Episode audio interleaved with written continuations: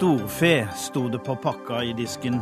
Det var hest, og det blir oppvask her i Dagsnytt 18 om et øyeblikk. Meteorittregn over Russland. Mer i vente, sier begeistrede astrofysikere. Vi må jobbe mer, men det skjønner ikke Høyre, sier Arbeiderpartiet. Paralympics-stjernen Blade Runner drepte kjæresten. Sør-Afrika er full av hvit familievold. Hva er det som skjer? Nesten to bistandsmilliarder gikk til næringslivet, men ingen spurte om de ga utvikling.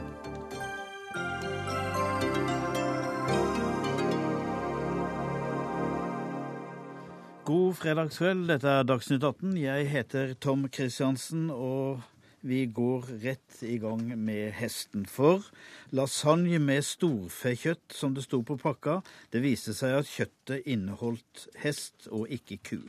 Tre personer er arrestert for kjøttsvindel i Storbritannia, og i dag bekreftet Norgesgruppen at også deres First Price lasagne inneholder hestekjøtt. Helseministeren og matministeren innkalte bransjen til hastemøte i ettermiddag. og Trygve Slagsvold Vedum, du er landbruksminister, du er matminister. Hva kom ut av det møtet? Det som kom ut av møtet, det var det første signal fra regjeringa. Et helt tydelig og klart signal at det her ser vi på som svært alvorlig. Eh, vi ønsker å ha kontakt med aktørene med, med, en gang for å understreke alvoret. At vi alle nå gjør vår, det vi kan eh, for å sørge for at det er trygt å kjøpe mat i Norge. At de varene som er i butikkhyllene, er de varene det står at det er. Og det forsikra alle aktørene i det møtet om at de har gjort. Eh, du, og, sa, du sa, alvorlig. Hvor, hvor, alvorlig er det? Er det kriminelt?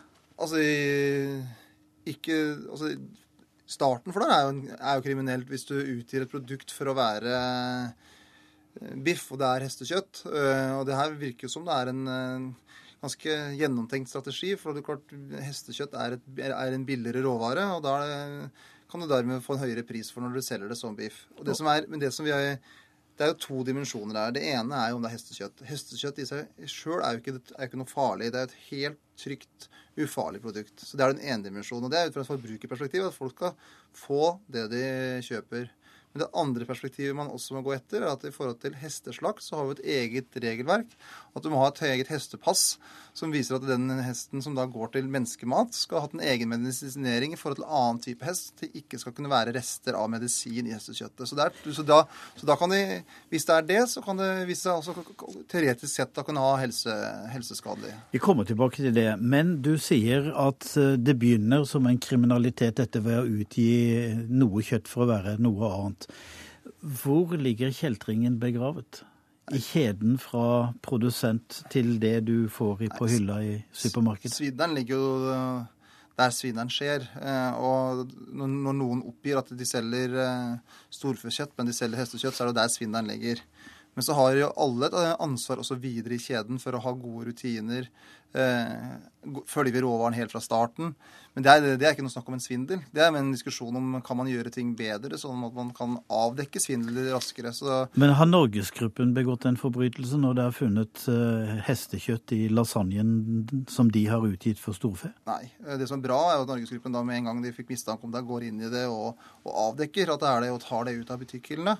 Og så må jo Norgesgruppen og andre kjeder eh, framover vurdere kan vi gjøre ting enda bedre, som vi kan få avdekket tidligere. Eh, men med med vårt klare inntrykk etter møtet i dag var at både Norgesgruppen og ICA, Coop og de andre kjedene har med en gang de har fått mistanke, tatt det på det høyeste alvor og fjerna de produktene de har mistanke om. Og så er det noe som eh, vi bør tenke over i den matdiskusjonen. Altså, vi har alltid et veldig stort press på lavere pris, lavere pris. Noen ganger så går det utover kvaliteten.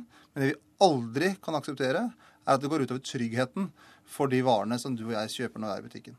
Per Åskifte, du er kommunikasjonsdirektør i Norgesgruppen. Dere er blitt lurt? Vi har blitt lurt. Eh, vi fikk eh, et indikasjon på det av et bedrift som heter Comigel, som holder til i Luxembourg, og som i forrige uke ga oss beskjed om at de hadde en underleverandør, et slakteri i Frankrike, som ikke var klar og tydelig på det de kaller sporbarhet, på hvor de fikk råvarene sine fra. Og Da fikk vi altså en bekymringsmelding som var utgangspunktet for oss med henhold til å ta varen ut av butikk. Vi trakk 8000 varer uh, umiddelbart på mistanke om at ting ikke var i orden. Samtidig så gikk vi til et laboratorium med produktet og fikk svar i dag at det faktisk var hestekjøtt. Så vi har gjort uh, de tingene vi skal gjøre når mistanke oppstår. Vi hva, beklager det, og vi tror dette er et enkelttilfelle. Hva, hva gjør du med, med, dette når du er blitt lurt? Skal du du har vel lyst til å finne kjeltringer? Ja, vi har, eh, for, for, det første så kommer ikke dette produktet til å bli lansert med det første, før vi er helt sikre og trygge på at produktet er ordentlig og skikkelig. Vi går nå i dialog med Mattilsynet, for vi mener denne bransjeutfordringen som, som, ligger her, det er ikke bare vårt problem, det er også våre konkurrenters. Så dette må vi rydde opp på en, på en ytterst ordentlig måte. I praksis, du kan ikke selge lasagne på en stund? Nei, det ser ut som det er en dårlig idé. Men Eh, sier ikke dette deg at du kanskje kan ha blitt lurt flere steder? For det er flere blandingsprodukter som uh, står i hyllene? Vi har eh, selvfølgelig gode rutiner og vi har gode standarder og mange sertifikater fra våre leverandører. Så vi har aldri opplevd noe slikt tidligere, så vi har ingen mistanke eller indikasjoner på at vi er lurt tidligere. Og hvis vi har en sånn mistanke, så skal vi reagere skarpt. Og det gjorde vi også denne gangen. Tok kontakt med Mattilsynet, basis på mistanke, og så gjorde ting da operativt umiddelbart. Er det flere produkter du vil sende til kontroll? Vi har sendt ytterligere produkter til kontroll og har fått svar på noen. Og det er ikke noe hestekjøtt i noen andre produkter. Vi kommer også til å vurdere da sammen med Mattilsynet og ta ytterligere ekstra kontroller på dette. Randli Flesland, du er direktør i eh, Forbrukerrådet. Eh, har, det har vært noen dramatiske dager for uh, alle dere som er involvert i dette. Og matsikkerheten har fått et uh, skudd for baugen. Ja, helt klart. Det er, for hvis I utgangspunktet så har vi jo en høy mattrygghet i Norge og et veldig dyktig mattilsyn. Men det som er bekymringsfullt, er jo at dette har hatt så stort omfang og holdt på i seks måneder uten at det er oppdaget. Så da er det jo helt klart at her er det noen hull i noen kontrollrutiner. Så det som Selv om man sier nå at det er fint at man trekker tilbake varene når man sjekker akkurat dette, så er det jo et spørsmål hva gjør man for å sikre at sånt ikke skjer igjen? Det være seg med denne type produkter eller andre produkter. Så her må jo både produsenter, leverandører og kjedene gå i seg selv. Dette er jo stort sett egne merkevarer fra kjedene som har fått denne utfordringen. Og da er det nok noe med prispress og hvem kjedene kjøper fra, som må se, som statsråden sa, må se på kvalitet også, og mattrygghet, og ikke bare pris. Og det forventer nok forbrukerne. Jeg skal spørre henne om et øyeblikk hva han har tenkt å gjøre, men før det vil jeg spørre deg om hva du vil si til det som her blir sagt, nemlig at kravet om billigere mat, billigere mat, billigere mat driver produsentene til å jukse?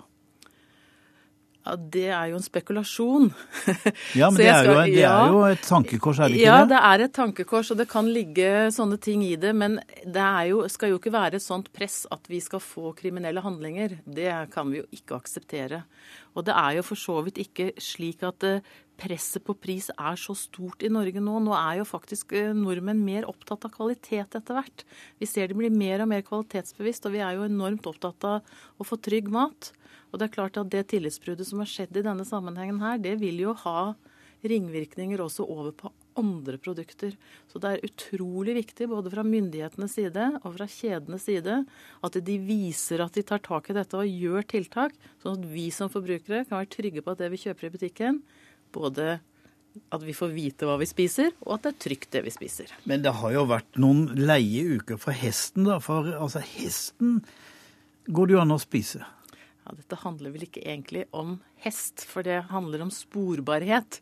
Sånn at man vet hva man spiser. Vi jo, har jo Forbrukerrådet også vært veldig opptatt av at alle varer skal være merket med opprinnelsesland, eh, fra råvarene og hvor de produseres osv. Og, så og det har man ikke vært så flink til på egne merkevarer. Så det er jo også en informasjon som nå ligger i Kjømda, og som også vil bidra. Men jeg tenker på, hvis du sier dette med hest, da.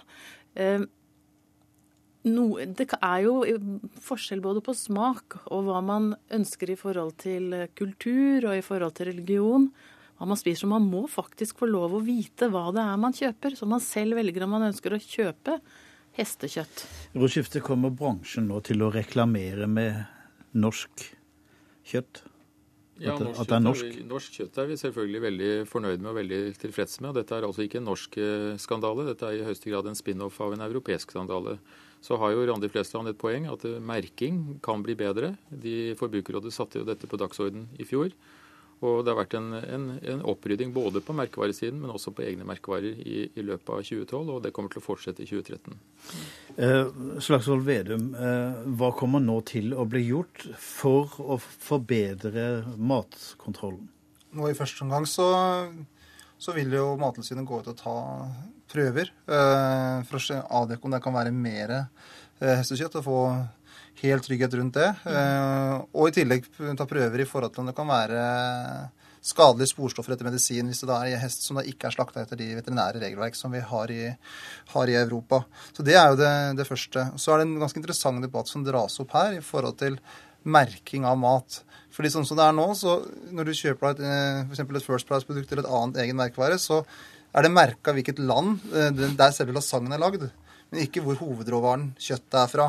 Og Det er jo blant de tingene som jeg håper at man i etterkant av denne diskusjonen her ser på. At man nå også vil merke hvor kjøttet kommer fra, så at forbrukerne får enda bedre informasjon uh, om sporbarhet og hvilken mat man faktisk uh, spiser. Så jeg, jeg, tror at den runden vi har nå, kan bidra til at vi får en kvalitetsdebatt, en sporbarhetsdebatt. fordi så lenge det er uro rundt trygghet rundt mat, så blir det uro rundt det meste. Og norsk mat er i all hovedsak veldig, veldig trygg. Men dette vil koste penger. Hvem skal betale det? Nei, men Det her er også bevissthet. Eh, det var ulike aktører eh, til stede på møtet før i dag. Noen eh, andre aktører sa at de tok og følte råvarene helt fra start. Mens da, når det gjelder egne merkevarer, så har ikke det vært tradisjon for det. Så, så her må jo de som tjener gode penger på norsk dagligvarehandel, også gå en runde med seg sjøl og spørre kan vi gjøre ting enda bedre, sånn at vi har mindre fare for å bli svindla i senere runder. Er det mulig å få kontroll over all mat, Flesa? Ja, det tror jeg. Det tror jeg. For det handler om å ha gode kvalitetsrutiner og kontrollrutiner eh, underveis. Og det er utrolig viktig det som statsråden nå sier, at eh, alle aktørene her må gå inn og se på sine rutiner. Hvor er hull i sikkerhetsrutinene? For det er jo helt klart at det er et hull når vi faktisk kan selge hestekjøtt i det omfanget i et halvt år eh, før det blir oppdaget. Og så tror jeg også at det er viktig at Mattilsynet går inn og legger premisser og krav til aktørene i forhold til disse rutinene, og også legger opp til stikkprøver for å se at det faktisk skjer. Fordi at Mattilsynet har en kompetanse på dette her, og er så dyktige eh, at det i seg selv vil skape tillit det, hos oss forbrukere. Er det ministeren eller storprodusenten som skal eh, kontrollere dette? Ja, dette? ja takk, begge deler.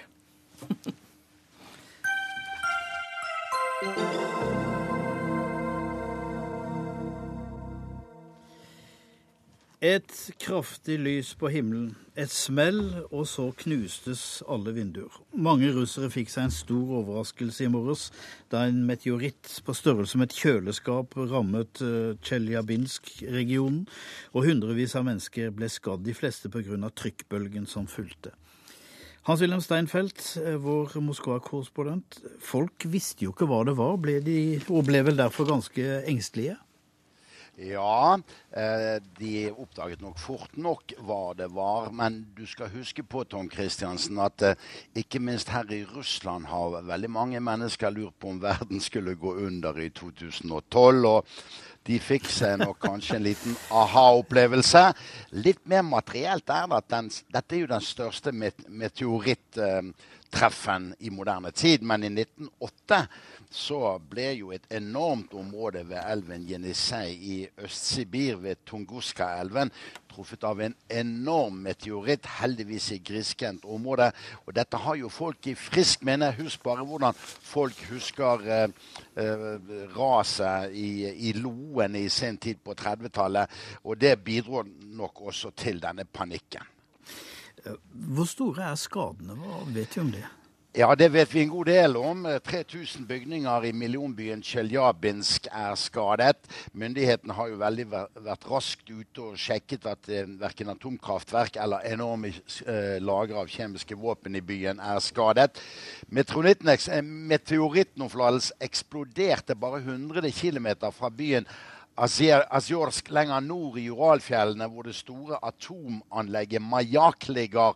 Det der russerne eh, produserer plutoniumstridshoder. Og disse objektene, atomobjektene blir naturligvis sjekket nå. Greenpeace, Greenpeace sier i kveld at man har undervurdert faren for nettopp slike ting når det gjelder slike sensitive anlegg. Er det noen politikere som har eh, kommentert eh, hendelsen? Ja, statsminister Dmitrij Medvedev var i den uh, midtsibirske byen Krasnajarsk da meteoren, eller meteoritten rammet i dag, og han sa det at la nå dette være et symbol for vårt økonomiske møte. Det er ikke bare Russlands økonomi som er sårbar, planeten vår er også sårbar, sa den russiske regjeringssjefen. Hans-Wilhelm Steinfeld, takk for det. Knut Jørgen Rød eh, Ødegård, du er astrofysiker. Var det en meteor? Det var nok en eh, meteor, en veldig kraftig meteor. Det kalles gjerne en ildkule. Og de eh, skyldes steiner som kommer inn i atmosfæren med en enorm hastighet. Hastigheten er her estimert til 54 000 km i timen. Da forårsaker den et veldig kraftig lysfenomen, og så brytes disse vanligvis opp på vei gjennom atmosfæren og forårsaker overlydssmell som når ned til bakken, og også blåser ut vinduer slik som i dette tilfellet. Men du, Hvor, hvor i, på kloden eh, i universet ligger denne steinrøsa hvor disse steinene kommer fra? Dette er en bit fra asteroidebeltet mellom Mars og Jupiter. Der er det millioner av asteroider fra noen få meters størrelse opp til mange, mange kilometer, flere hundre kilometer. Disse bumper av og til borti hverandre, slenger biter mot oss, og så kan vi være så heldige eller uheldige at eh, noe faller ned hos oss. Noen har jo lurt på om dette kanskje var søppel fra verdensrommet, altså noen satellitter som har falt ned? Ja, jeg lurte også litt på det tidlig i dag, men nå viser det seg at hastigheten har vært såpass høy at det utelukker muligheten for at det er noe menneskeskapt. Vi har jo sett i avisen i dag at det faller masse rart ned fra himmelen rett som det er. Er det noe spesielt ved denne meteoritten? Det er spesielle er nok at dette er veldig godt dokumentert, og at det skjer over et veldig tett befolket område. Eh, det har blitt tatt bilder? Ja, ikke minst og filmet. Og at man eh, dokumenterer et enorme drønnet. Og at eh, det gjør at eh, mange vindusruter eh, brytes opp, og at det blir mange skader. Men det er ikke enestående når det gjelder størrelse. Det har vært større nedslag på jorden de siste 10-15 årene. Det er atskillig større legemer som har eksplodert over Stillehavet. Vi har til og med hatt stort, en stor eksplosjon over Nord-Troms i 2006, hvor lysstyrken var sammenlignbar med lysstyrken på dette objektet, og hvor det også var ekstremt kraftig drønn som ble målt helt til Kasakhstan.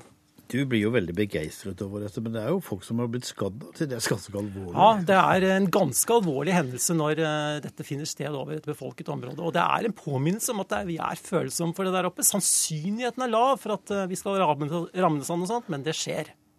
Men uh, hvorfor var det ingen som visste om det på forhånd? Det er jo folk med svære kikkerter, du og folk med enda større redskap, som kikker og kikker ut i verdensrommet. Ja, Dette var det ingen som så. Nei, I godt over 20 år så har vi eh, brukt store teleskoper for å utforske verdensrommet og overvåke på jakt etter nettopp slike objekter. Men dette objektet var for lite til at, var, at vi var i stand til å finne det. I 2008 eh, så var det ett slikt objekt som ble oppdaget før det kom inn i atmosfæren. Det var over det nordlige Sudan. Og den var tre-fire meter stor, men det var bare flaks. Som regel så unnslipper disse veldig små objektene vår oppmerksomhet. Men det som kommer i kveld, ja, fortell om det. Det er 65 meter stort. Og da er det så stort at eh, vi har kunnet vite om det ganske lenge. Det har vært kjent eh, i nesten et år at en asteroide skal passere veldig nær jorden ja, hvor nær? i kveld. Hvor nær? Ja, 27 700 km. Det er nærmere, atskillig nærmere enn eh, TV-satellittenes høyde over ekvator. Og det er den suverent nærmeste asteroidepassasjen som har vært observert, i hvert fall av noe så stort som dette. Er det farlig? Det er ikke farlig, men hvis den hadde vært på en litt annen kurs og faktisk kollidert med oss, så ville den utløst en energi omtrent svarende til 300 Hiroshima-bomber, laget et krater med diameter ca. 600 meter og utslettet et område på størrelse med Østlandet i all verden. Og så hører jeg at i 2029 skal det skje noe. Da er det en enda atskillig større asteroide som passerer nær jorden. Nesten like nær som den vi får i kveld. Det er Apophis. Hvor stor er den? 320 meter stor. Og den vil heller ikke kollidere med oss. Heller ikke neste gang den passerer nær oss. Større enn Ullevål stadion? Atskillig større enn Ullevål stadion. Og enormt stor og tung. Så hvis den hadde truffet, da hadde det ikke vært gøy. Hvor nær kommer den? Ca. 30 000 km over eh, ekvator. Og heller ikke den er da farlig for oss? Nei, Det har vært stort spørsmål veldig lenge, men nå har man lagt ned veldig store ressurser i å utforske banen på den. Og vi er helt totalt sikre på at den vil ikke kunne treffe oss i overskuelig fremtid. Går det an å gjøre noe for å unngå at de treffer oss? Ja, Hvis vi oppdager det i tide, så kan vi sende ut romfartøyer og skyve på disse med forskjellige metoder. Og da endrer vi banen slik at vi er sikre. Men det er veldig viktig å oppdage det tidlig. Det er derfor vi har disse søkeprogrammene. Ja, dette, dette, høres relativt eh, eventyrlig ut, men, men, eh, den eh, asteroiden som altså kommer i kveld, kan den ses med det blotte øyet? Den kan ikke ses med det blotte øyet, men selv en bitte liten kikkert gjør at det er mulig å se den. Utfordringen er å se i riktig retning. Ja, hvor er det? Eh, ja, Den beveger seg fra sør mot nord gjennom en rekke stjernebilder. Så Vi har brukt en del ressurser på å lage stjernekart og observasjonstips som vi har lagt ut på nettet på astroevents.no. Der kan man se minutt for minutt hvor man skal søke etter dette objektet, som da vil se ut som en liten lysende prikk som sklir mellom stjernene på nattehimmelen. Og når er det? Den kommer til syne rundt 2044, og da har den størst lysstyrke og størst hastighet. Og så etter klokken ni så vil den gradvis begynne å bevege seg saktere og lenger bort fra oss og bli svakere. Det har vært mange ord som har vært brukt her nå. Meteor, meteoritt, asteroide. Hva er forskjellen? Asteroider det er steinblokker som svever ut i verdensrommet. De kan falle ned òg, da får vi en enorm eksplosjon. Meteor det betyr i luften. Det er når en steinblokk er på vei gjennom atmosfæren, eller en liten stein for den saks skyld. Meteoritt det er hvis vi kan finne den på bakken og stå og holde den i hånden. Har du holdt en meteoritt i hånden? Jeg har holdt mange meteoritter i hånden. Til og med vært med på å finne meteoritter som eh, ikke har vært sett før. Det var en som landa på Rodeløkka for noen år siden. Det, I fjor så var det fall på Rodeløkka og på Grefsen og flere andre steder i Oslo. Så da var det vi som var i skuddlinjen. Kunne noen bli truffet av disse?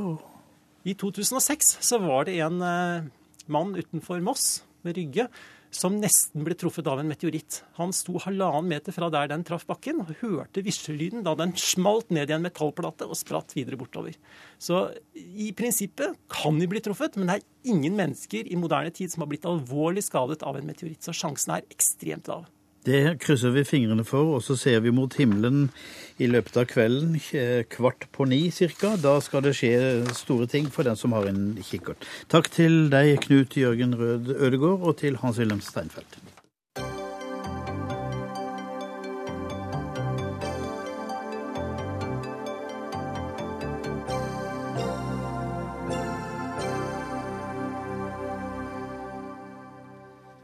Paralympics-helten fra Sør-Afrika, Oscar Pistorius, er siktet for overlagt drap på sin kjæreste, en av Sør-Afrikas heteste fotomodeller, Riva Stienkamp. Selv har han fortalt at han trodde det var en innbruddstyv han skjøt. Pistorius med to amputerte bein har eh, vunnet til sammen seks gullmedaljer i Paralympics. The fastest man on no legs. Lars Sigurd Sunnanov, vår Afrikakorrespondent. Hva skjedde i retten i Johannesburg i dag? Ja, Det som først og fremst uh, fanget oppmerksomheten, var at uh, Oskar Pistorius brøt sammen i gråt da han ble siktet for overlagt drap på sin kjæreste. og I det 40 minutter lange rettsmøtet nådde ikke hans forsvar frem da han argumenterte for at Pistorius burde bli løslatt mot kausjon. Kausjonsspørsmålet vil retten først ta stilling til over helgen på tirsdag. Men i mellomtiden slipper den sørafrikanske idrettshelten fengsel. Han vil bli holdt i forvaring på en av politistasjonene i Pretoria i stedet. Var det overlagt drap, eller var det et uhell? Han sa at han midt på natten hørte noen i leiligheten, og så skjøt han fordi han trodde det var en innbruddstyv, og så viste det seg altså at det var hans eh, forlovede eller hans kjæreste. Hva var det? Spekulasjonene svirrer jo i Sør-Afrika, og langt fra alle tror på at han skjøt mot det han trodde var en innbruddstyv. Pistorius boligkompleks er svært eksklusivt og sikret med en høy mur, piggtråd og sikkerhetsvakter. Alle besøkende må skrive seg inn, og det blir ringt opp til leilighetene når det kommer besøk. Det skulle strengt tatt ikke være nødvendig å sove med en pistol under hodeputa, som Pistorius har opplyst at han gjorde. Men omstendighetene rundt skuddramaet klokken tre om natten er fortsatt uklare, og det blir spennende dager mens etterforskningen går sin gang. Hvordan reagerer folk i Sør-Afrika? Med enorm skuffelse over den situasjonen som deres store folkehelt er havnet i. Men sympatien den retter seg naturlig nok mest mot den drepte kjæresten og hennes familie. For hun var jo svært berømt, hun også? Langt på vei var hun det. Hun var en glitrende fotomodell, deltaker i realityshow og programleder for en rekke programmer i fjernsyn. Hun var i det absolutte toppsjiktet blant Sør-Afrikas kjendiser. Lars Sigurdsson, når du følger denne saken videre. Liv Tørres, du er, eh, vi kjenner deg mest som generalsekretær i Norsk Folkehjelp, mm. men du er også en forsker som har jobbet mye med Sør-Afrika. og øh, Nå legger vi denne saken til side. Vi hører jo veldig ofte om vold blant svarte i Sør-Afrika. Mm. Men volden mellom hvite er jo også et eget kapittel i Sør-Afrika. Vold i Sør-Afrika rammer bredt og rammer alle grupper. Altså Tidligere så var det jo sånn at mye vold eh, fant sted i townshipene, de svarte townshipene. Og nå snakker jeg om i perioden opp til 94, midten av 90-tallet. I apartheid-tida, ja. Hva? I apartheid ja, under apartheid-tida. Eh, men, men, det rammer eh, bredt alle grupper den dag i dag. Og så tenker jeg det er viktig å skille mellom kanskje tre typer vold. Den ene typen er eh, kriminelle handlinger, kriminell vold, voldskriminalitet. Den andre er politisk vold, og den tredje er vold i nære relasjoner eller familier. Den siste gruppen er veldig, veldig stor, og det er vel den som er mest relevant her, vil jeg tippe. Men jeg syns jeg har sett mange eksempler på far skyter mor, og deretter barna, ja. og så seg selv. Altså, ja, og det har nok, eh, uten at jeg skal gå inn på forklaringer av hvorfor, det har nok vært mer omfattende i enkelte grupper, boergruppen, altså de som opprinnelig kom fra Nederland, faktisk, enn det har vært i gruppen av de svarte sørafrikanerne. Hvorfor det? Nei, det har ikke jeg den fulle forklaringen på. Noen sier i akademiske miljøer at dette har med en kombinasjon av høyt stress, eh, høyt eh, nivå på fattigdom, arbeidsledighet, religion, kultur, en masse faktorer blandet sammen å gjøre. Hvorfor er Sør-Afrika så voldelig? Jeg tror vi skal ha med oss at det er et samfunn som er under ekstremt stress nå. Det er et land med en av verdens høyeste eh, nivåer når det gjelder ulikhet, altså forskjell mellom fattige og rike. Det er et land med ekstremt høye tall for fattigdom og arbeidsledighet. Det er et land som ennå ikke har tatt helt oppgjør med fortiden mistro mellom grupper, ikke har bygd opp full tillit til institusjonene, til politiet osv. Eh, og så er det jo selvfølgelig også sånn at det, lå, det har ligget vold i det sørafrikanske samfunn i mange, mange tiår. Også fra under apartheid-tiden, selvfølgelig. Som ikke er gjort et opprør med. Og så har man da i tillegg et politivesen som ikke er optimalt, for å si det mildt. Eh, politimestere som eh, blir arrestert pga. korrupsjon. Eh, det har nå skjedd to ganger. Så, og som ja, sliter med korrupsjon, lav lønn, lave lønninger. Jeg har også sett en slags forklaring, nemlig at uh, nå tør folk rapportere til politiet hva som skjer. Før så var politiet en fiende. Det, det, er nok riktig, og det bidrar til å forklare de relativt store eller høye tallene man har på, på de ulike områdene av voldskriminalitet.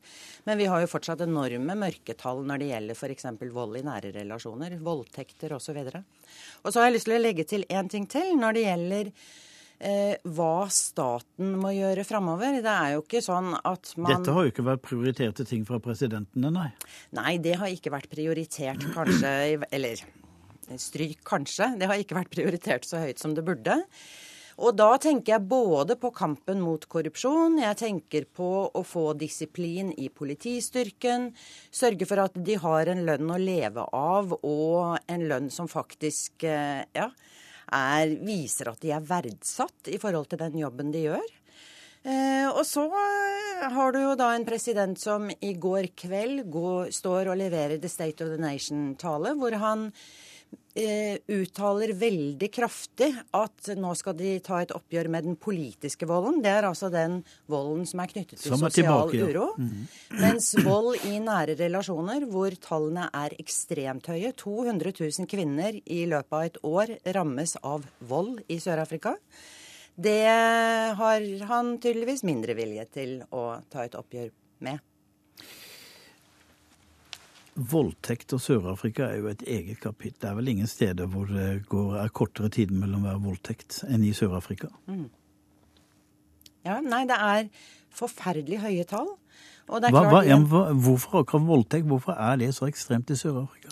Nei, Igjen komplekse og mange forklaringer og faktorer som spiller inn. Eh, det har å gjøre med, med respekt for kvinner, det har å gjøre med at lovverket ikke er bra nok, det har å gjøre med at politiet ikke tar det alvorlig nok, og den politiske ledelse ikke tar det alvorlig nok.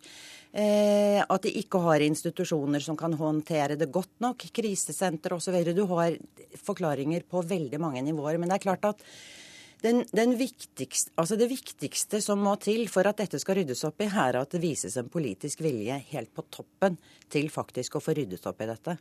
Men det du sier betyr vel også at eh, det må en holdningsendring blant folk fleste til? Jeg tenker jo at det først og fremst må en holdningsendring til i den politiske ledelsen på toppen. Og det ser du ikke? Nei, det ser jeg ikke. Det ser jeg ikke. Men likevel, turismen øker. Folk drar dit og ja. kommer levende fra det. Ja da. Ja, jeg drar ned om 36 timer. Eh, det er klart Sør-Afrika er et attraktivt land. Det for mange utlendinger, og for mange som bor der, er et fantastisk land på mange måter. Volden er relativt eh, eh, konsentrert i enkelte områder, og folk klarer seg fint eh, ved å reise, kjøre, bruke mye bil. Reise mellom de ulike områdene, shoppingsenter og bolig osv. Du går ikke mye gatelangs i bybildene i Johannesburg, Cape Town, Durban. Likevel, du beskriver en slags fryktkultur, gjør du ikke? Jo, det er klart at den ligger der. Eh, det gjør det jo Det er jo også farlig for samfunnsutviklingen, tenker jeg. Fordi at dess høyere murer folk bygger rundt husene sine eh, Og det gjør de? Ja, det gjør de. Dess, dess, farligere blir det jo, på en måte. Dess mer utsatte blir de, og dess mer grell, grelle blir ulikhetene. Og jeg tenker jo at det viktigste på lang sikt for å få gjort noe med dette, er faktisk å adressere det som ligger der av grunnleggende ulikheter i det sørafrikanske samfunn. Når du selv har vandret rundt i flere tiår og ventet på en jobb, ventet på å få mat på bordet, du trodde at med apartheidsfall så skulle du få det bedre. Du har fortsatt ikke mat på bordet, fortsatt ikke en jobb, og du ser at noen bare blir rikere og rikere. Da blir du til slutt ganske sint. Og jeg tror vi må forstå det før vi ja. Liv Tørres, god tur til Sør-Afrika. Tusen takk.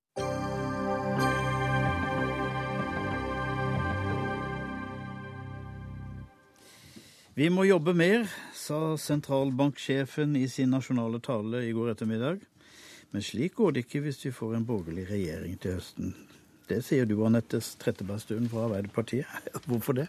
Jo, um, i ytterste konsekvens så, så, kan det bli slik. Altså Arbeiderpartiets eh, store frihetsprosjekt det har vært uh, å la folk uh, få jobbe. Det er veien ut av fattigdom. Um, vi har historisk sett gjort alt vi kan for å få kvinnene ut i arbeidslivet.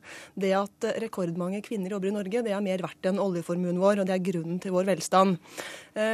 Som sentralbanksjefen eh, sa, og som den nye perspektivmeldinga viser, så trenger vi mer arbeidskraft i åra som kommer. Derfor er vi opptatt av å fortsatt stimulere eh, både kvinner og andre til å, å jobbe. Eh, at flere må inn i arbeidslivet. Derfor er det bekymringsfullt at vi ser at Høyre og Frp foreslår å, å svekke de tiltakene som har gjort at kvinnene kan, del, kan delta i arbeidslivet og kan velge selv. Jo, f.eks. øke barnehageprisene, fjerne fedrekvoten, fjerne overgangsstønaden som lar enslige forsørgere kvalifisere seg til arbeid, og den type ting. Det vil kunne føre til at færre kvinner jobber. Torbjørn Røe Isaksen fra Høyre. Har du ikke tenkt på dette? Før jeg, før jeg kommenterer de konkrete tinga fra, fra Arbeiderpartiet, så jeg tror mange med meg blir litt sånn matt over den typen eh, politisk debatt som vi har her. Altså, nå holdt sentralbanksjefen en tale i går hvor han eh, påpeker at selv om mye går bra i Norge, så har vi en del grunnleggende problemer.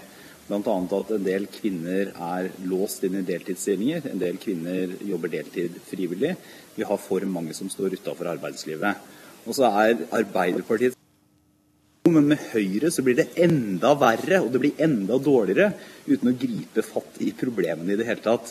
Og Det er jo særlig merkelig, for det er grunnen til at f.eks. verdiskapinga i Fastlands-Norge har stått på stedet hvil de siste fem åra, er jo ikke pga. Høyre. Det er jo ikke vi som har sittet i regjering siden 2005, det er jo de rød-grønne. Så jeg må ser på dette litt som en sånn avledningsmanøver. så Burde vi ikke heller diskutere politiske problemene istedenfor bare fyre løs på opposisjonspartiet.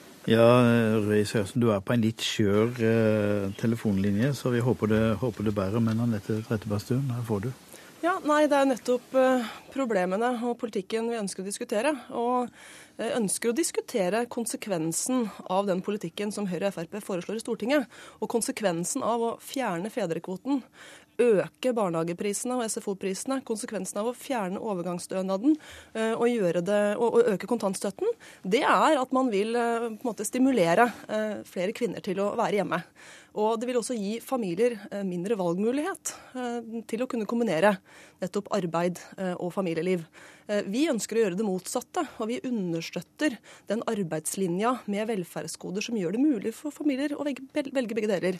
Det er bra for den enkelte å jobbe, og det er selvfølgelig selvfølgelig nødvendig for samfunnet og for at vi skal eh, beholde bærekraften i velferdsstaten. Røe Isaksen, dette har jo konsekvenser for deltakelse i arbeidslivet, da? Men hvis vi bare går gjennom steg for steg. altså Kontantstøtta, som da er en valgfrihetsmulighet, den, eh, den, gjelder i dag 40 000 barn som mottar den. Mange av de foreldrene er, også helt, eller, altså er delvis i jobb også.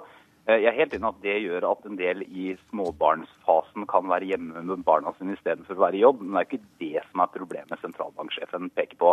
Når det gjelder overgangsstønaden, så er det, det kan, alle kjenner kanskje ikke den, men det er en egen ordning da for enslige forsørgere som har vist seg dokumentert gang på gang på gang at holder folk borte fra arbeidslivet. Ikke nå lenger. Blant annet fordi det, det gikk så lenge som i, fram til i fjor før den rød-grønne regjeringa skjønte at man måtte stille noen krav om deltakelse før man skulle få motta en ytelse. Og Når Høyre da fremmer forslag på Stortinget f.eks. om at vi skal ha mer fleksible turnusordninger, sånn at vi kan få flere over i heltidsstilling, så stemmer Arbeiderpartiet nei. Når vi setter opp forslag om at eh, sosialklienter skal både få bedre oppfølging, men også ha aktivitetsplikt for å få flere ut i arbeidslivet, da stemmer Arbeiderpartiet nei. Når vi sier at det ikke skal være mer gunstig å uførepensjonere seg tidlig enn å, eh, enn å, stå i jobb, så sier også Arbeiderpartiet nei til å gjøre de grepa der. Så det, Dette er en måte å liksom skyve debatten over til noe den egentlig ikke handler om. Ja, dette er ikke riktig. For det første så går antallet sosialhjelpsmottakere ned under regjeringa. Andelen uføre går ned. Eh, aldri før har flere vært i arbeid. Og for oss er det arbeidslinja som gjelder. Man skal gjøre sin plikt, man skal kreve sin rett. Og vi stiller krav, vi, til stønadene. Så det, der, det er ikke riktig. Konsekvensen f.eks. av at Høyre ønsker å fjerne overgangsstønaden, er at man ville fått mange tusen flere enslige forsørgere over på sosialstønad. Det er ikke riktig politikk. Og det å, å, å, øke kontantstøtten, fjerne overgangsstønaden, gjøre barnehagene dyrere, og det at Høyre ikke ønsker å ta kampen mot ufrivillig deltid, alle de tiltakene der i sum, ja det vil gjøre det vanskeligere for kvinner å kunne kombinere arbeid eh, og familie, og det vil være et brudd på arbeidslinja. Trettebergstuen, eh, i Arbeiderpartiets frihetsprosjekt, som du kalte det, nevnte du flere folk i arbeid. Men i det frihetsprosjektet inngår det også kortere arbeidstid og lengre ferie. Det er vel noe av det som sentralbanksjefen tenkte på, at vi jobber for lite her i landet? Ja, vi, eh, vi, jobber ikke for lite her i landet. Største utfordringen vår er å få, få flere til å, å, delta. Eh, og flere må stå lenger i arbeid nå enn man gjorde tidligere. Det er helt klart. Eh, men når Røe Isaksen peker på oljeturnuser, så er det helt riktig at det, vil, det har en god effekt. Og det er også derfor vi har, har det i dag. Forskjellen mellom oss og Høyre er at vi mener at i ytterste konsekvens så skal eh, arbeidstakerne selv kunne få lov til å si nei dersom turnusordningene blir for, eh, for vidtgående. Eh, men det er helt klart at det finnes mange gode muligheter til å organisere arbeidslivet annerledes i dag. Men folk skal kunne ha muligheten til å sette ned foten og si nei. Men har folk blitt latere? Nei. Det er det ingenting som tyder på. Hva tror du, hva tror du Torbjørn Røe Isaksen? Nei, Jeg tror ikke folk er blitt latere, men det er klart f.eks.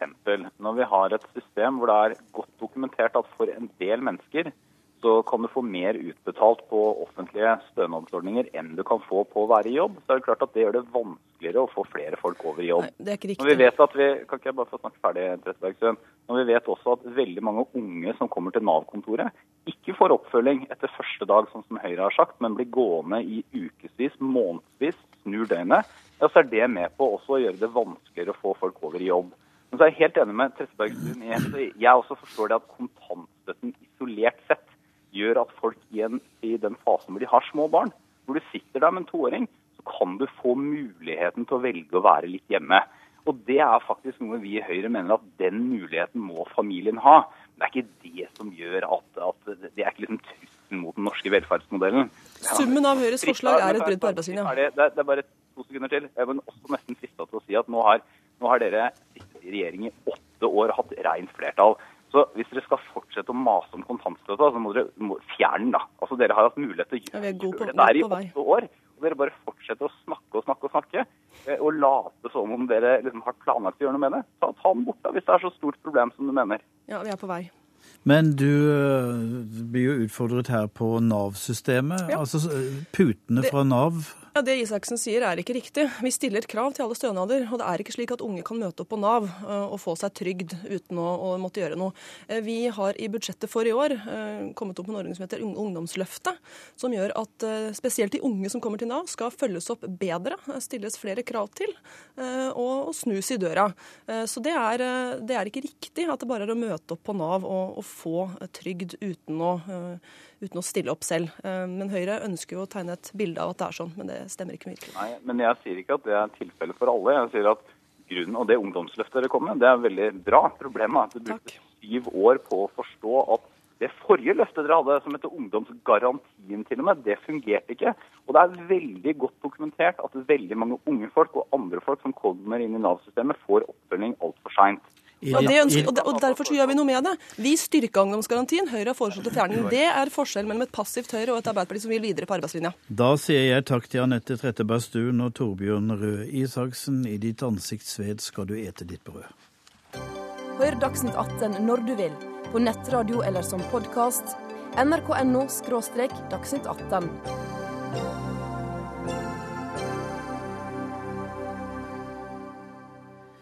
Norsk næringsliv fikk 1,8 milliarder av den rød-grønne regjering for å drive utviklingsprosjekter i fattige land. Ingen spurte om det ble noe utvikling av det. Og det, de spurte bare etter om det lønte seg. Det avsløres i en rapport som Kirkens Nødhjelp og Forum for utvikling og miljø har lagd. Og Liv eh, Rønnebekk eh, Bjergene, du er en av dem som har skrevet denne rapporten. Hva er det norske myndigheter har gjort feil? De har, eh, Om de har gjort feil, skal jeg ikke slå fast, men i hvert fall så er det, viser vi at de først og fremst etterspør eh, økonomisk eh, lønnsomhet. Og vi stiller spørsmål Det skulle bare mangle. Det skulle bare mangle, fordi økonomisk lønnsomhet er en forutsetning også for å drive utvikling.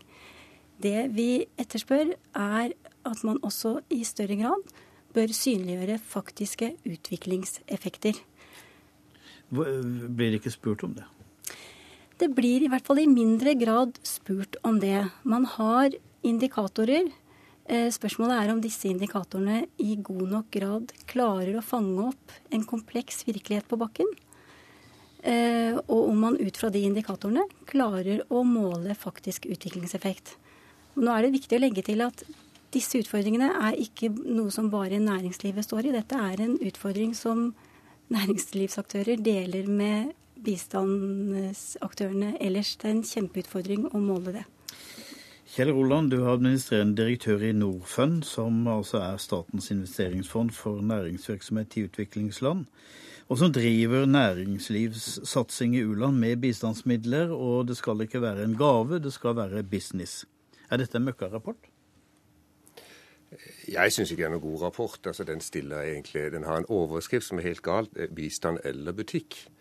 Uh, utvikling ut av fattigdom forutsetter et lønnsomt og bærekraftig næringsliv som ryggraden. Bistanden kan bidra på, til å uh, løfte utdanning og helsenivået. Uh, næringslivets rolle er en annen. Jeg, I forhold til det vi gjør, meg få illustrere poenget med utvikling. Hva er utvikling? Vi bygger f.eks. mye fornybar energi. Vi leverer i dag strøm til tre ganger den norske befolkningen. Nesten 15 millioner mennesker. For de som har lest norsk historie på 20- og 30-tallet, når Norge ble elektrifisert, så vil ingen være i tvil om at det er utvikling. Eh, som følge av de vannkraftverkene som vi har bygd ut, så eh, fører vi bl.a. til at eh, 3,4 millioner tonn CO2 ikke kommer opp i lufta. Altså, Vi måler utvikling, vi forklarer utvikling. Vi er utvikling. Det eh, Jeg tviler ikke på det. Men eh, det rapporteres jo ikke på ordentlig vis, ifølge denne rapporten.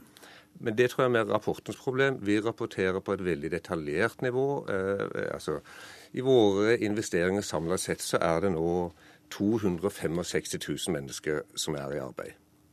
Vi det, ja, det, det måler, overskudd måles, antall ansatte måles. Men bærekraftig kvinner, utvikling, er det rapportert? Ja, altså når Denne rapporten forklarer på, ikke på noe punkt hva den mener med utvikling. Jeg sier lønnsomme arbeidsplasser. Eh, når vi klarer å skape så mye strøm eh, til utvikling, eller hvis du i norsk historie går tilbake til slutten av 1800-tallet, da bygde man i Norge eller Da vokste sparebankbevegelsen frem. Sparebankene var avgjørende for å skape et, et basalt tilbud av finanstjenester. Det var mulig å spare, og det var mulig å låne til lokalt næringsliv og til å skape et litt bedre liv for seg selv. Det er det vi gjør. Vi investerer masse i banker og mikrofinans. Altså, Det er utvikling. Det er det som er utvikling. Altså, Det rare med denne debatten er at eh, det er ingen i Afrika, det er ingen av de demokratisk valgte land som vi jobber med, som er i tvil om at dette er utvikling. De sier det er ingenting de heller vil at Vesten skal gjøre, og Norge, enn akkurat det vi gjør. Andrew Preston, du er daglig leder i Forum for utvikling og miljø. Det var dere i samarbeid med Kirkens Nødhjelp som bestilte denne rapporten. Er det feil det han sier? Det viktigste for oss er å sørge for at bistandsmidler faktisk gir en utviklingseffekt. og Det tror jeg alle, vi kan alle være enige om. Og, og Nå har han beskrevet at de faktisk gjør det, men uh... Ja, der, vi har en litt, litt, annen tilnærming til dette. Vi mener at uh, lønnsomhet er selvfølgelig et utrolig viktig kriterium for å dømme utvikling. Men vi mener det ikke er nok. Vi mener det er lønnsomhetskriteriet som legges veldig stor vekt på. Vi snakker her ikke bare om Norfunds virksomhet, men alle de andre norske selskaper som også omtales i rapporten. Vi mener at den lønnsomhetskriteriet ikke er nok, fordi vi også vet fra mye forskning at lønnsomme investeringer alene ikke nødvendigvis gir en bærekraftig utvikling. Uh, vi kan bare ta som eksempel um, den, den NRK-serien som er nylig gått, 'Den gode viljen'. Den viste veldig godt hvordan norsk og internasjonalt næringsliv kan være til stede i et land sør for Sahara, bidra med mye penger til statskassen og, og virke som at de bidrar til en utvikling men samtidig, i samme land, så ser vi de største andel av befolkningen sier ingenting til disse pengene. Så der kan man stille spørsmål i hvilken grad lønnsomme investeringer i seg selv alene faktisk bidrar til en utvikling. Dette må jo være kjent for deg? Dette er veldig kjent, eh, og det er derfor jeg sier hva, hva gjør vi? Vi investerer i sektorer der vi er sikre på at det er utvikling. Det er helt riktig at lønnsomhet er ikke indikatoren. Lønnsomhet for oss er en forutsetning for å lykkes. Altså, Bærekraft består i å skape lønnsomt næringsliv. Vi investerer Men kritikken, kritikken her, Roland, er jo at, at, dere ikke vet nok om det er bærekraftig eller ei. For det undersøkes ikke, det rapporteres ikke, det meldes ja, men, men ikke tilbake. Ikke, altså, det er jo da ikke riktig. Altså, Vi rapporterer på årsbasis på hver enkelt investering i en mikrofinansinstitusjon hvor mange låntakere, hvor mange kvinner, hva er gjennomsnittsinntekten til de som mottar disse lånene? Eh, eller i vannkraft, eller, eller i landbruk. Altså Vi gjør egentlig tre ting i Norfund. Vi gjør fornybar energi. Fordi vi er så overbevist om at eh, bærekraftig utvikling av energisektoren er utvikling. Ikke det enkelte vannkraftverket. Det å skape et, et bærekraftig, robust energisystem er utvikling eller eh, finanssektoren. Eller i Afrika å utvikle landbrukssektoren. Afrika har den laveste produktiviteten av noen kontinenter i verden på landbruk. Det å utvikle dette potensialet er utvikling. Så er det mange andre ting man også kunne investert i, som ikke vi investerer i. Det vi gjør, det er vi i stand til både å måle, forklare og begrunne hvorfor det er utvikling. En lønnsom, veldrevet bedrift med høy standard på helse, miljø og sikkerhet.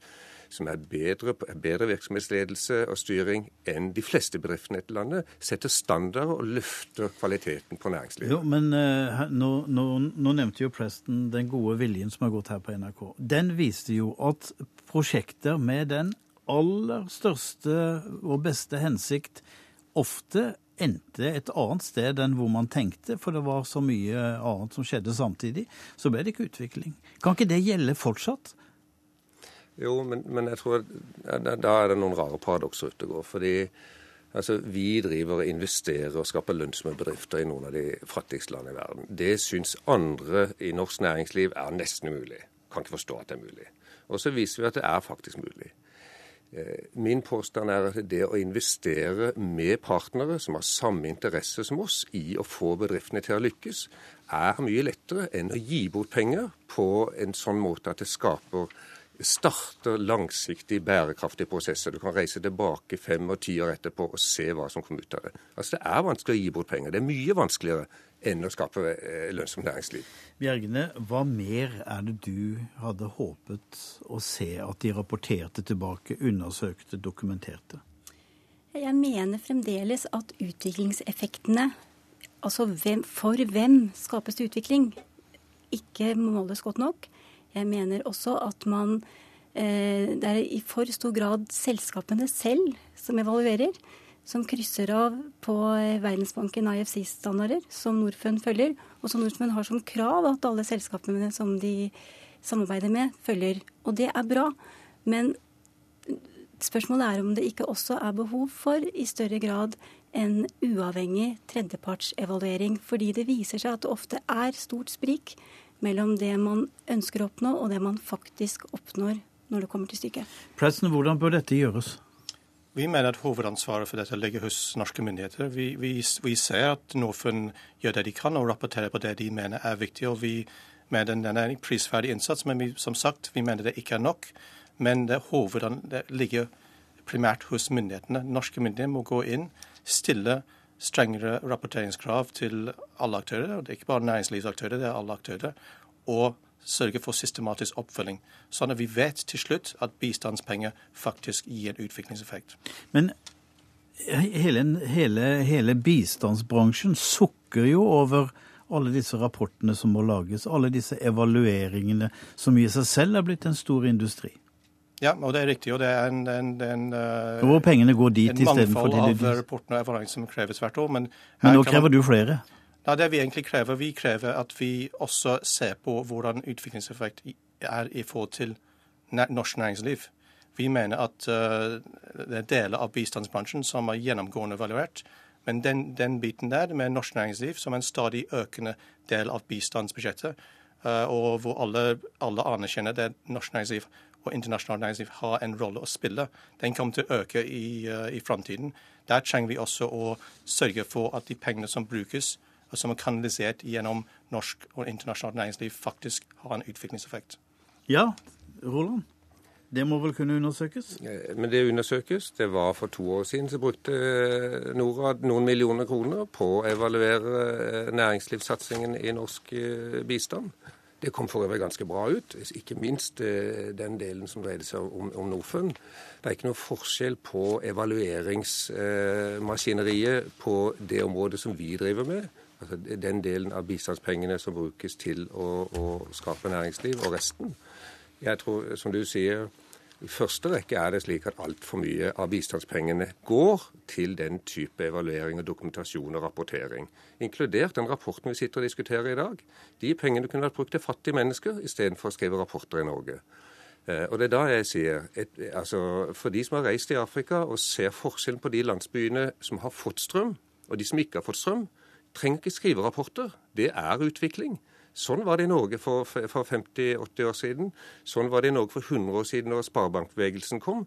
Man trengte ikke å lage store rapporter om hvert enkelt sparebanken nede i Våler, om hvem den lånte til, hvordan den drev, når de sto på morgenen og la seg om kvelden. Sparebankbevegelsen var bra. Da må altså- jeg si takk til dere, vi har ikke mer tid.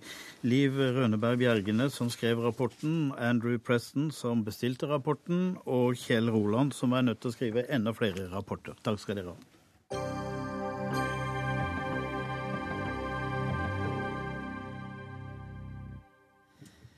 Denne uka satte nok en tibetansk munk fyr på seg selv. Denne gang skjedde det i Nepals hovedstad Katmandu. Han er munk nummer 100 som forsøker å brenne seg selv i protest mot Kinas styre. Og Øystein Alme, du er daglig leder for radiostasjonen Voice of Tibet. Hvorfor gjør de det? Det er jo eh, Det er et langt bilde. I det lange perspektiv så tror jeg Ja, jeg, altså, jeg, jeg spør fordi at mange aktivister skyter jo andre. Skyter fienden. Men her setter man fyr på seg selv. Hva skal det tjene til? Eh, At de setter fyr på seg selv, må man si i lys av at uh, den tibetanske kampen for sine rettigheter har uh, foregått med ikke-voldelige midler bestandig. Uh, I tråd med særlig Dalai Lama. Som fikk fredsprisen. Som fikk fredsprisen. Men for å forstå dette, så tror jeg man må se tilbake, for det første, mange tiår med kinesisk undertrykkingspolitikk i Tibet. Eh, som har blitt ytterligere tilstramma nå de siste årene, ikke minst kan du si siden i forkant av OL 2008. I en på en måte endeløs spiral av nye tilstramminger, protester og ytterligere innstramminger fra kinesisk side. Og, og disse protestene, hvis man ser på hva disse uh, som tenner på seg, sier før de gjør det, og de ja, meldingene hva sier de? de, de sier at um, de har ingen rettigheter. Eh, de kan ikke leve som tibetanere. Um, de vil ha Dalai Lama tilbake til Tibet, som vel er et uttrykk for at de da tror at det vil kunne rette på situasjonen. Men eh, det er et dramatisk rop om hjelp også til omverdenen. Men, men, men sier du nå at de gjør dette som en desperat handling? Eller er det en nøye strategisk eh, overveid handling at eh, dette skal gjøre inntrykk på noen andre, sånn at det blir en forandring? Er det ene eller det andre? Kinesiske myndigheter hevder at eh, Dalai Lama og hans klikk i eksil står bak. Det er det ingen grunn til å tro. Dette er ikke organisert på noen måte. Tvert imot. Dalai Lama og eksilregjeringen og tibetanerne, i all hovedsak i eksil, eh, har, har, eh, sagt at dette må de ikke gjøre. Og at dette kanskje ikke vil føre fram til noe konstruktivt i det hele tatt. Men likevel gjør de det. Som er på en måte en siste, siste utvei. Eh, det ultimate offer på en ikke-voldelig måte. Også, tror jeg, til omverdenen om at omverdenen må reagere. Det, ja. Ja, men um, du driver radiostasjonen eh, Voice of Tibet. Hører folk i Tibet på ditt budskap?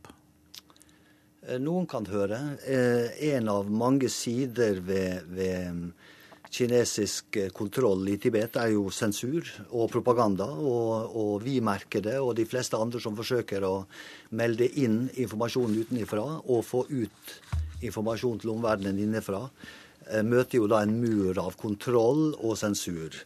Så det er et problem. Og det er et stort problem for tibetanerne også i Tibet at ikke bare sensur, men at uh, myndighetene, kinesiske myndigheter da bruker sitt mediemonopol for å fortelle det kinesiske folk eh, om en virkelighet i Tibet som ikke stemmer med all den informasjonen jeg har. i hvert fall. Men, men hva er da ditt budskap på eteren til folk i Tibet, de som kan høre sendingene dine?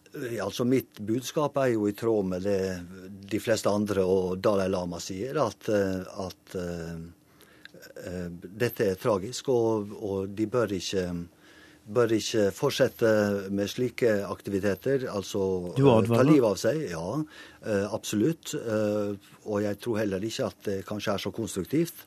Eh, samtidig så er det opplagt et rop om hjelp til omverdenen. Så mitt budskap er jo også ikke minst at omverdenen, det frie demokratiet i Vesten, må sable seg og adressere Kina. Og adressere årsaken til at de protesterer og tenner på seg. Øystein Alme, du er daglig leder i radiostasjonen Voice of Tibet. Takk for at du kom hit. Dermed er sendinga slutt. Ansvarlig har vært Siri Storstein Hytten. Teknisk ansvarlig Karl Johan Rimstad, og i studio Tom Kristiansen.